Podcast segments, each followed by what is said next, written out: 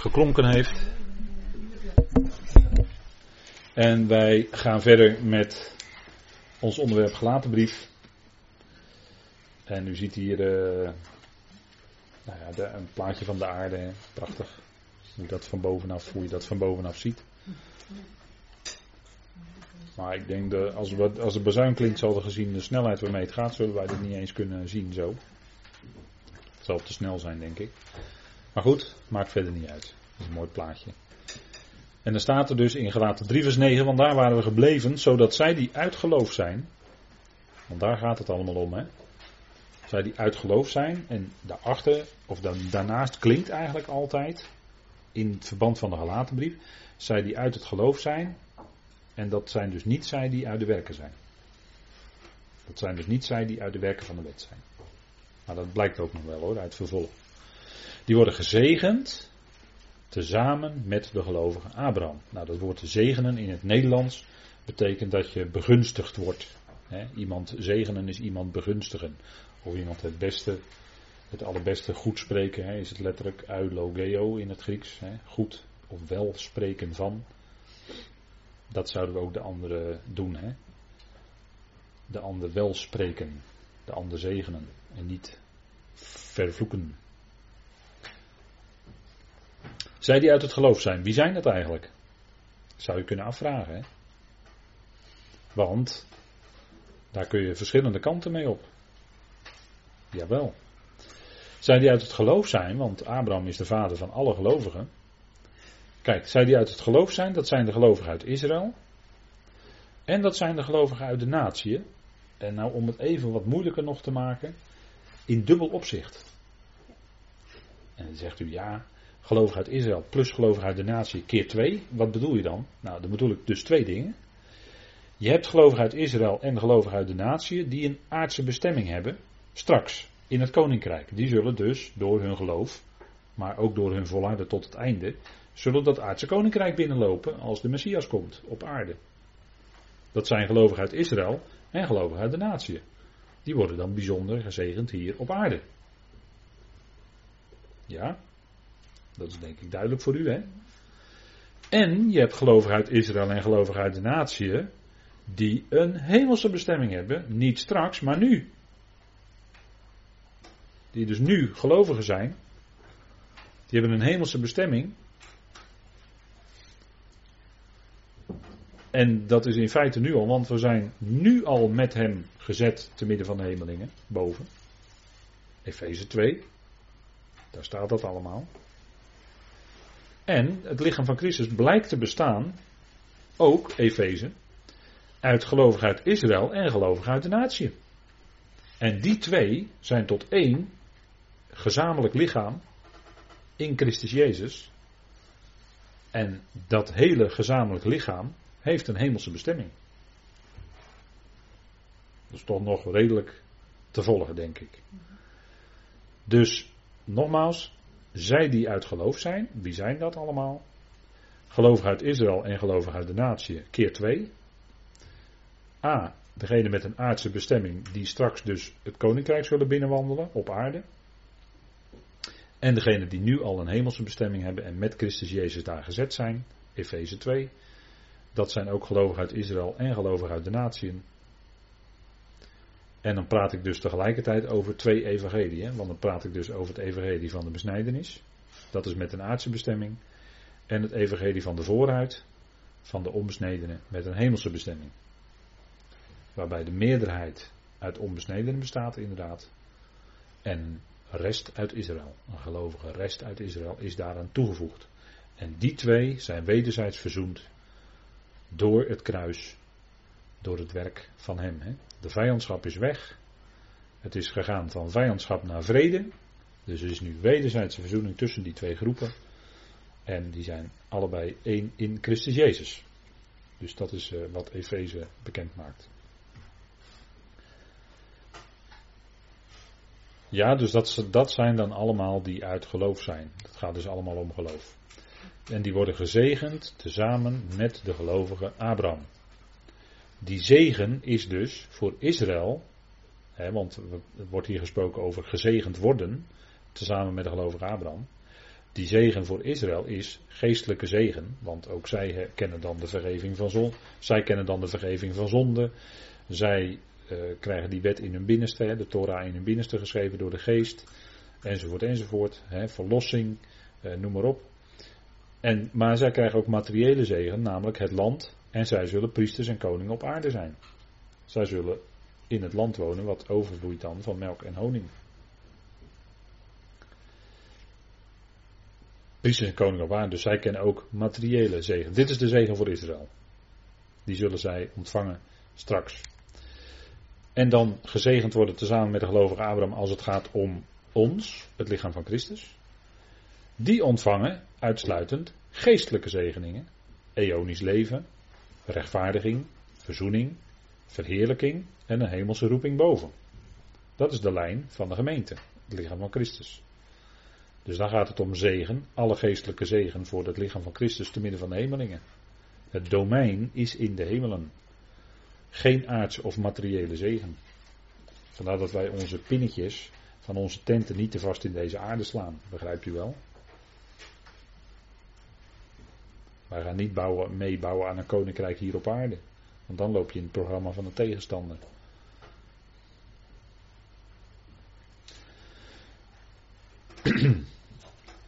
maar wij doen alles wat nuttig is. Dat wil zeggen, wat is tot opbouw van het lichaam van Christus. Dat is nuttig. Dat is tot opbouw van het lichaam van Christus. Dat is tot nut.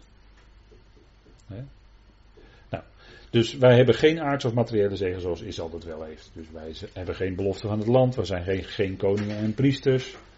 Nooit niet, nooit, nooit zijn wij koningen en priesters op aarde. Nooit. Dat is eh, nou helemaal gewoon niet aan ons beloofd. En je moet er allemaal trucs uithalen om dat wel, omdat het, nou, dan ben je daar trucs aan het uithalen. Want dan ga je de zaken verdraaien.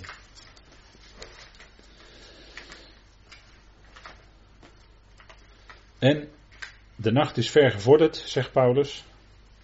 De duisternis is altijd het dichtst tegen het ochtendgloren. En we zien uit naar dat dit gaat komen, geestelijk gezien. Namelijk dat die zon opgaat. Maar Paulus zegt in Romeinen 13, de nacht is ver gevorderd. En dat betekent dat de dag nabij is. De dag is nabij.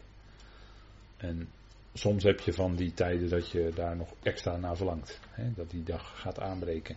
En voor ons is dat de bazuin gods. Dat wij weggerukt worden natuurlijk. Hè. Dan zijn we ineens in heerlijkheid. En dat wordt wat hoor, die heerlijkheid. Dat wordt wat. Want vers, de, gaan we gauw door met gelaten 3 vers 10. Want al wie uit de werken van de wet zijn, zijn onder een vloek, zegt Paulus. En die kon het weten, want die had eronder geleefd. En niet zo'n beetje ook, hij was fariseer. Maar dat achter die allemaal schade en drek, hè, Filippenzen 3. Al wat mij winst was na het vlees heb ik om Christus wil schade geacht. Dus hij wierp dat allemaal achter zich. In de kliko. En als dat niks zegt, in de vuilnisbak. Dan zeg ik het nog wat duidelijker. Ja, dat, dat zei hij. Dat zegt hij daar in, in Filippenzen 3 hoor. Ik kan er niks anders van maken. Wil ik ook niet. Want het staat er gewoon. Want al wie uit de werken van de wet zijn, zijn onder een vloek. Wie uit de werken van de wet zijn, voor die geldt de vloek. En we gaan zo meteen nog in op wat die vloek dan precies is. En zij die uit het geloof zijn, zegen. Dus staat tegenover elkaar zegen en de vloek. En dat is dan even nu niet de Ebal en de Gerizim. Maar dit is dus twee verschillende principes. Twee principes. Zegen is uit geloof. Dan word je gezegend. De vloek is als je komt met de werken van de wet. Dan stel je automatisch, kom je ook onder die vloek van de wet. In feite. Vloek in het Grieks is neerverwensen, letterlijk. Neerverwensen. Dat is vloek. Wij houden er niet van als er gevloekt wordt. Want als iemand dat doet en die uit een hele erge vloek, dan vraagt hij iets aan God wat God helemaal nooit zal doen.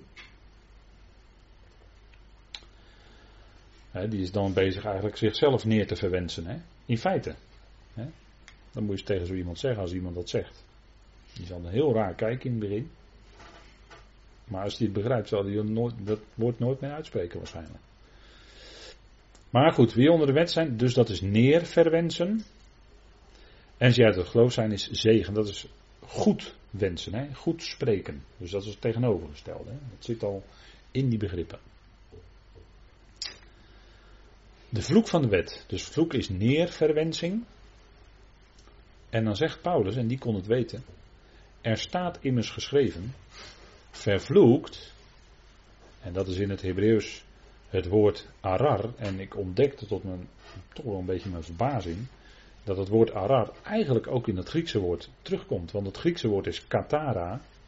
En dat hoor je al bijna dat arar inkomen. En het Hebreeuwse woord is arar.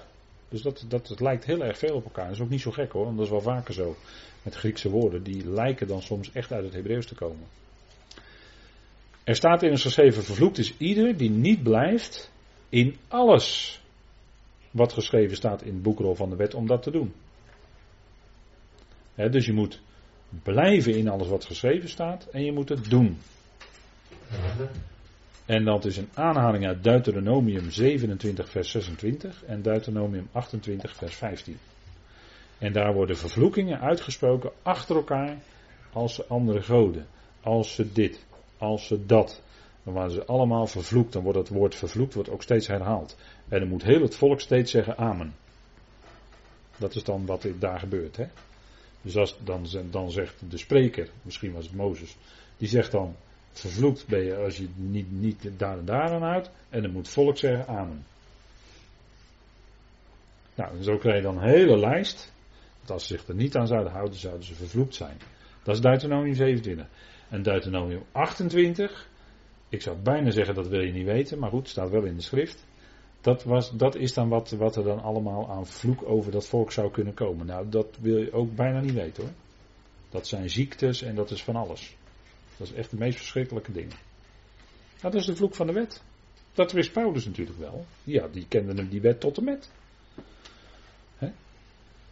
En vervloekt is wie niet, ik heb het even letterlijk aangehaald uit het Hebreeuws, daar rechtsonder op deze dia.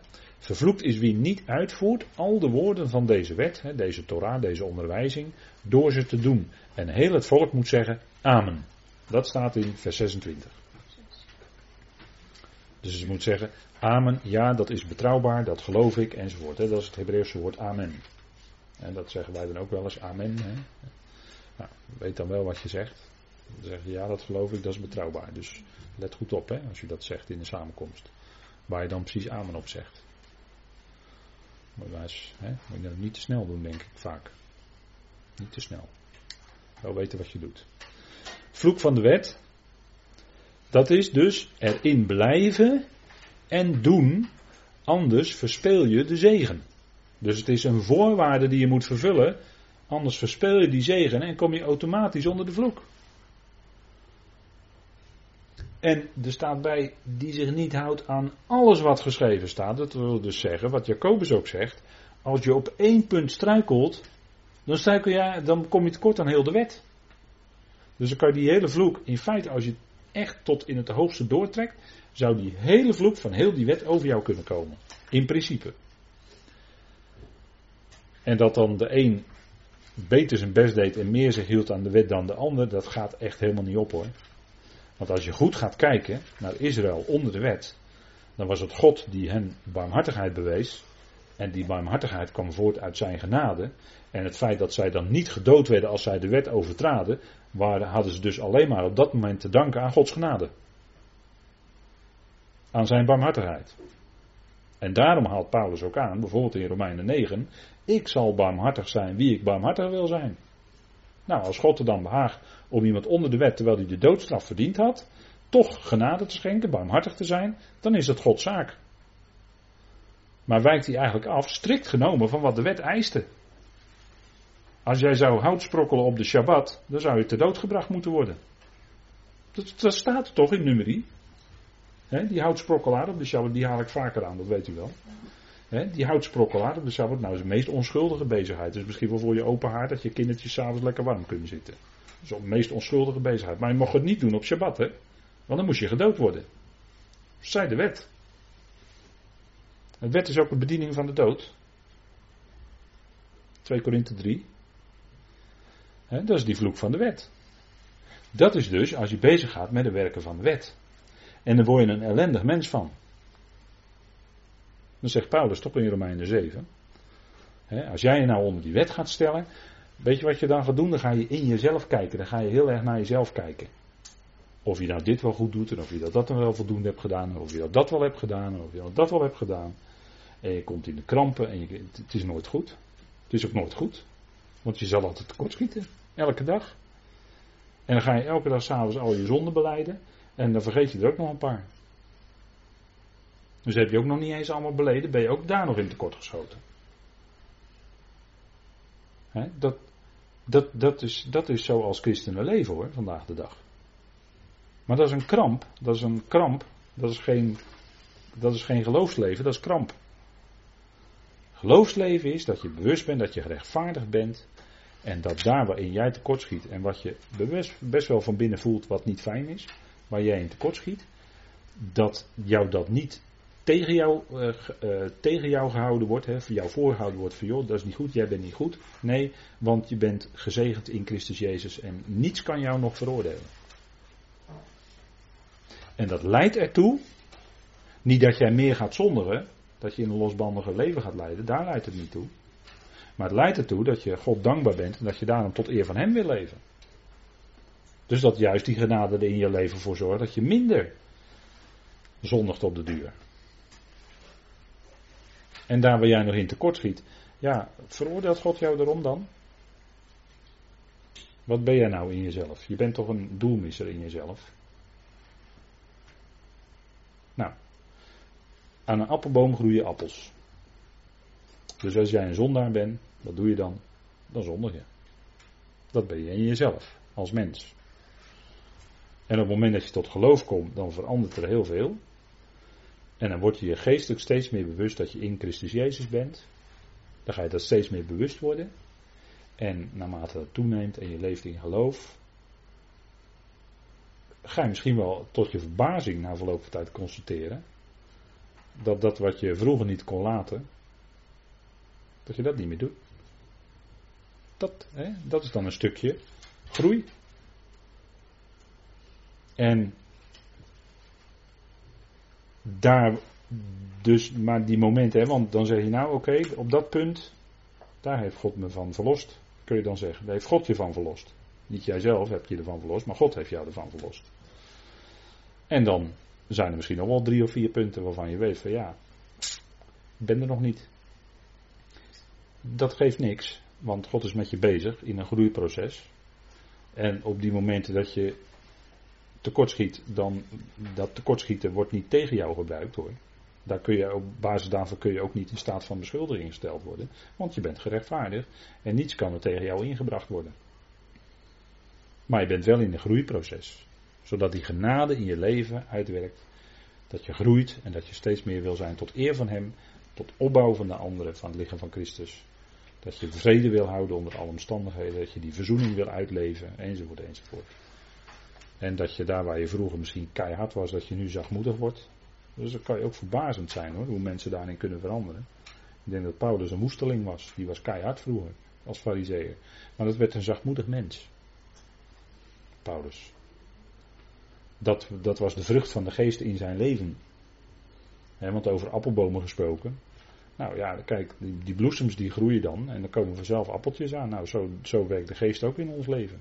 Die komt van binnen en dan komt dan later komt er naar buiten wat er van binnen zit. Dat is de vrucht van de geest. Liefde, vreugde, vrede, geduld, zachtmoedigheid, trouw, goedheid, geloof, zelfbeheersing, uh, inhouding. Is eigenlijk een beter woord. Nou, dat soort dingen allemaal. Dat gaat dan in je leven groeien. Hè? Die vrucht gaat zich dan zetten in je leven. Dat is de vrucht van de geest. Waarbij als eerste dan liefde genoemd wordt. En eigenlijk zit in die liefde, daar zit eigenlijk alles in. Daar zit in trouw, daar zit in geduld, daar zit in zachtmoedigheid, daar zit in vrede, daar zit in vreugde. Zit allemaal eigenlijk al in dat woord liefde besloten. Nou, dat, dat, is, dat is een kenmerk van de vrucht van de geest. Dat je anderen kunt liefhebben waar je er vroeger niet kon. Dat, dat is die groei in ons leven, hè? Van, van het geloof ook. Geloofsgroei heet dat. Nou, daar zijn we ook mee bezig. Dat is de zegen, hè, want we zijn nu bezig over de vloek van de wet. Dat is als je als op de werkerige manier bezig gaat. Als jij meent dat je allerlei, allerlei dingen moet doen en dat je daardoor een betere christen bent. Of een betere gelovige. Hè? En je, je kan menen van, uh, ja, uh, dat heel veel anderen zogenaamd niets doen met hun geloof. Dat kan jij menen, maar dat weet je helemaal niet. Dat is jouw beoordeling, maar dat weet je helemaal niet. Maar bedenk wel dat als je dat meent, hè, dat al die anderen niks doen met hun geloof, als jij dat zegt, hè, dat jij op dat moment ja, boven, jezelf boven al die anderen stelt. Hè, daar moet je dan ook even bewust zijn. Als je dat zegt. Hè. Maar het wordt wel eens gezegd. Hoor, hoor ik zo wel eens hier en daar. Hè, maar dat weet je helemaal niet. Je weet niet waar die ander mee zit of mee topt in zijn leven. Weet jij veel? God weet het. Kan jij misschien de angsten waar iemand anders mee zit? Of het probleem in iemands leven? Of wat er in de jeugd is gebeurd? Of zal ik een lijst gaan noemen? Nou, ik denk niet dat het hoeft. Hè? Ik denk dat u dat langzamerhand zelf ook wel weet en in kan vullen. Maar dat zijn dus al die aspecten die in de mensenleven spelen. Ook al is te geloven, maar de dingen werken wel door. En laten we dan alsjeblieft niet elkaar op die manier gaan beoordelen. als iemand maar misschien in zijn leven zich met het woord de waarheid als het ware net overeind kan houden, waar hij anders misschien er gigantisch doorheen zou klappen, wees daar dan blij om en dank God daarvoor dat dat gebeurt in dat leven.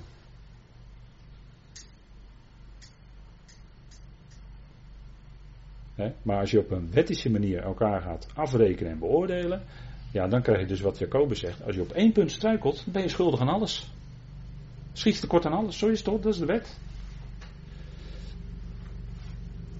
Maar juist als we het evangelie van genade kennen, dan zouden we toch niet elkaar wettisch gaan afrekenen en beoordelen. Kom nou toch. Dat niet. Dan gaan we ook toch over elkaar denken in genade.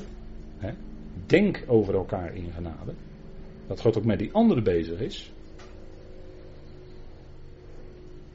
Ja, dat is wat hoor. Dat verandert je kijk wel op mensen. genade verandert onze kijk op mensen. Gods genade, want je moet je beseffen dat jij genade hebt ontvangen van God. dat, is iets, dat is iets geweldigs. Dat had je ook nodig. Want je kon het niet zelf. En daarom greep God in in jouw leven. Dat is zijn genade dat hij ingreep. Dat deed hij ook bij Saulus. En, en, en uh, hè, ik heb, in mijn laatste spreekbeurt heb ik aan het eind gezegd, en ik heb me toen niet helemaal gerealiseerd achteraf gezien wat ik toen zei. Maar ik denk dat God het dan toch geeft op zo'n moment. Dat, dat hè, die, jij, hè, jij die zoveel kritiek hebt op anderen, die zo vol met kritiek zit op anderen, zou het misschien kunnen zijn dat God op jou kritiek heeft? Zou dat misschien kunnen? Dat heb ik toen gezegd. Dat, is, dat is wat we ons zouden realiseren als we, als we naar anderen heel kritisch kijken. Wat is er dan bij jezelf aan de hand? Vraag ik me af. Wat is er dan in jouw leven, in jouw hart aan de hand?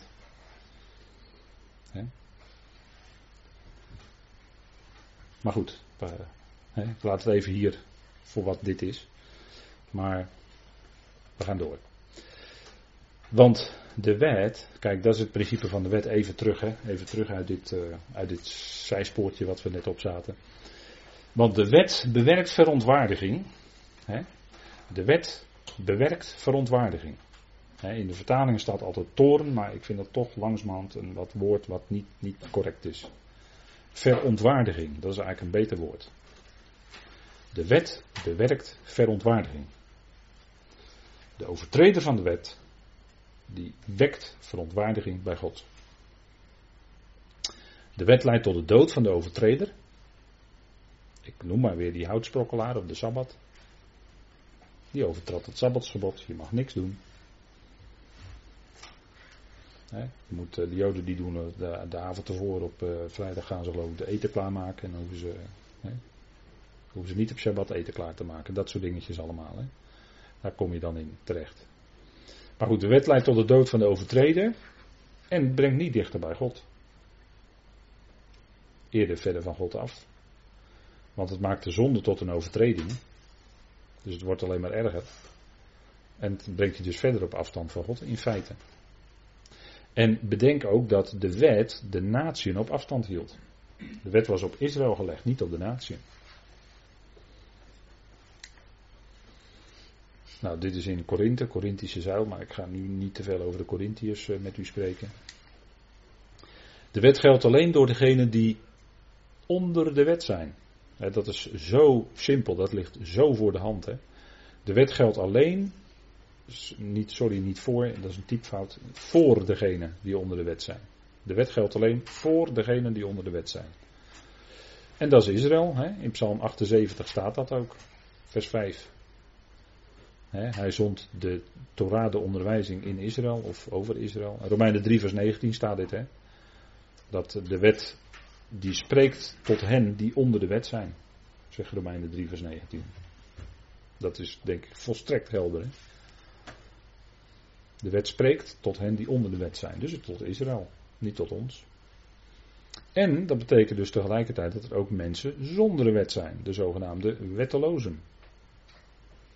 Die worden in Handelingen 2 vers 23 bijvoorbeeld genoemd door Petrus. die daar zegt dat hij, Christus Jezus, door goddelozen of door wettelozen aan het hout genageld werd. De wettelozen, de Romeinen dus. En in Romeinen 2 vers 12 staat ook dat degenen die zonder wet zijn, dus de wettelozen, die zullen ook zonder wet geoordeeld worden bij de grote witte troon. En degenen die onder de wet zijn, zullen dus door de wet geoordeeld worden bij de grote witte troon. Zo gaat dat hè, in het eindgericht. Daar heeft Paulus het allemaal over in Romeinen 2, maar dat hebben we al lang geleden behandeld.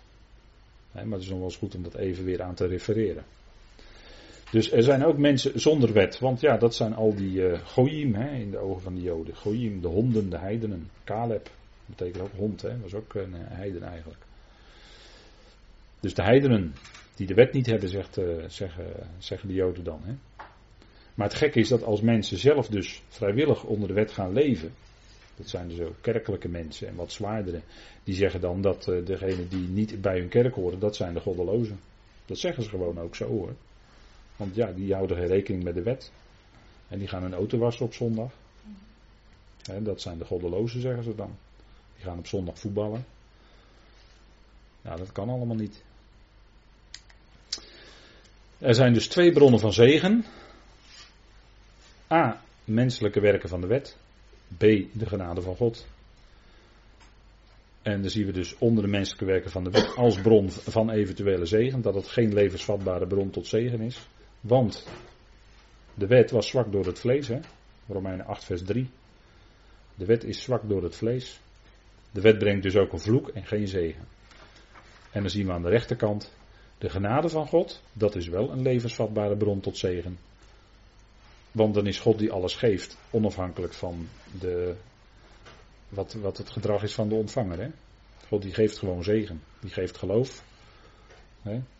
Of je nou dreiging en moord blaast op weg naar Damascus, dat maakt voor God helemaal niet uit hoor. Hij pakt je gewoon.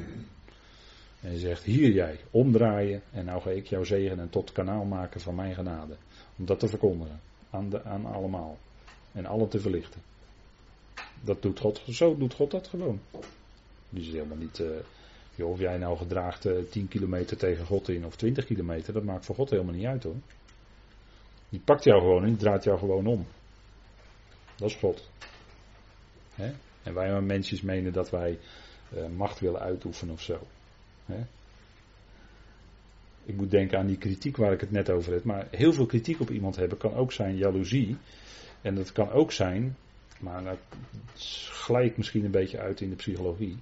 Maar dat kan ook zijn dat jij eigenlijk die plek wil hebben die die ander heeft. En daarom heb je zoveel kritiek op die ander. Kan. Kan. Het gebeurt hoor politiek. Hè? Let maar eens op politici. Hè, die, zijn, die zitten in de politiek omdat ze macht willen hebben. En die oefenen dan heel veel kritiek uit op anderen omdat ze graag zelf in het plus willen zitten. En moet je dan kijken als ze in het plus zitten wat er dan gebeurt. Maar goed, dat is allemaal heel menselijk, dus daar ga ik ook verder maar niet, liever niet te diep op in. Maar als we over geestelijke dingen praten, dan praten we over De genade van God, dat is de enige bron van zegen. Dat Hij zegent. En dat Hij dat beschikt om te zegenen. Nou, als Hij nou beschikt dat Hij uiteindelijk iedereen wil zegenen, dus dat is toch zijn zaak. Wie zijn wij dan om daar kritiek op uit te oefenen? God is God. En Hij doet wat hem behaagt hoor. En Hij verandert niet. Hij was altijd al liefde hoor, van meet af aan. Toen hij zijn plan begon, was hij al liefde. En dat is altijd dezelfde. Hij verandert niet. En in zijn plan wordt daar steeds meer van zichtbaar dat hij werkelijk liefde is. Dus geloof, dat is het principe. Zij die uit het geloof zijn, die worden gezegend met de gelovige Abraham. Dat is de zegen van God. En in een situatie van wet wordt niemand gerechtvaardigd voor God, want de rechtvaardige zal uit geloof leven. Kijk, in wet hè, staat er eigenlijk. Dus in een omstandigheid van wet of in een omgeving van wet. Daarin wordt niemand gerechtvaardigd. Omdat de rechtvaardige uit geloof leeft. En als er dan de wet opgelegd wordt, moet, moet, het verwacht worden van de werken. Dat, dat gaat dus niet. Want die wet die getuigt tegen de mens. Die stenen tafelen die in die ark lagen, die getuigden tegen de mens. Dat die mens daar niet aan kan voldoen. Nooit. Never. Volkomen. Eentje kon het wel. Dat was Jezus Christus. Maar die wet, die getuigde, die stenen tafelen getuigde eigenlijk tegen de mens. En daarom zat er ook dat deksel op. Dat beschermdeksel. Dat beschermde tegen de verontwaardiging van God. Dat beschermde tegen de, tegen de getuigenis van de wet. Daar beschermde dat verzoendeksel tegen. Of beschermdeksel tegen. He, caporet. Hilasterion. Dat is niet een verzoendeksel. Maar het is een beschermdeksel. Het beschermde tegen het getuigenis van de Torah, van de wet, van die stenen tafelen. En het beschermde dus tegen de verontwaardiging van God die, die, die dat getuigenis oproept. Omdat die mens eraan tekort schiet.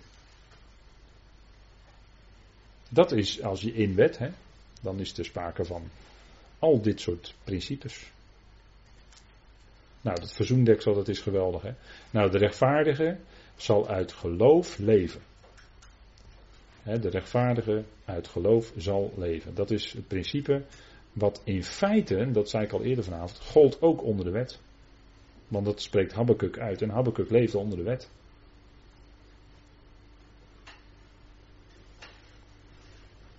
Dus als iemand echt een gelovige was, ook onder de wet, ja, dan, dan wel.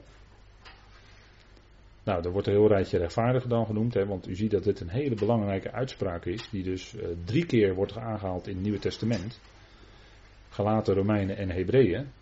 En Hebreeën 10 vers 38, dat leidt eigenlijk dat hele hoofdstuk 11 in van al die geloofsmensen, hè, die dus leefden in geloof. Hè, dan is door het geloof Abel, door het geloof Henoch, door het geloof Noach, Abraham, Sarah, Isaac, Jacob, Jozef, Mozes, Ragab, Gideon, Barak, Simson, Jefta, David, de profeten, allemaal gelovigen. Maar rechtvaardig door geloof. En als je nou gaat, in al die levens gaat kijken, hun gedragingen. Hè, moreel. Dan nou, nou, er valt nog wel wat op aan te merken op hun gedrag. En toch waren het gelovigen. En toch worden ze dan gezien als, als rechtvaardigen. Dat is heel wonderlijk, hè? Heel wonderlijk. Zie je ook weer hoe wonderlijk dat is, hoe God rekent. Dat hij schenkt barmhartigheid aan wie hij wil.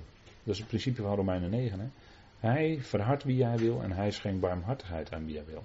Dat is, en die barmhartigheid komt voort uit zijn genade. Nou, dat zien we dus in Hebreeën 11. Maar het zou onderwerp zijn voor een hele mooie studiereeks hoor, Hebreeën 11. Heel mooi. Maar goed, even vanavond niet, want het is al laat, dus we gaan stoppen.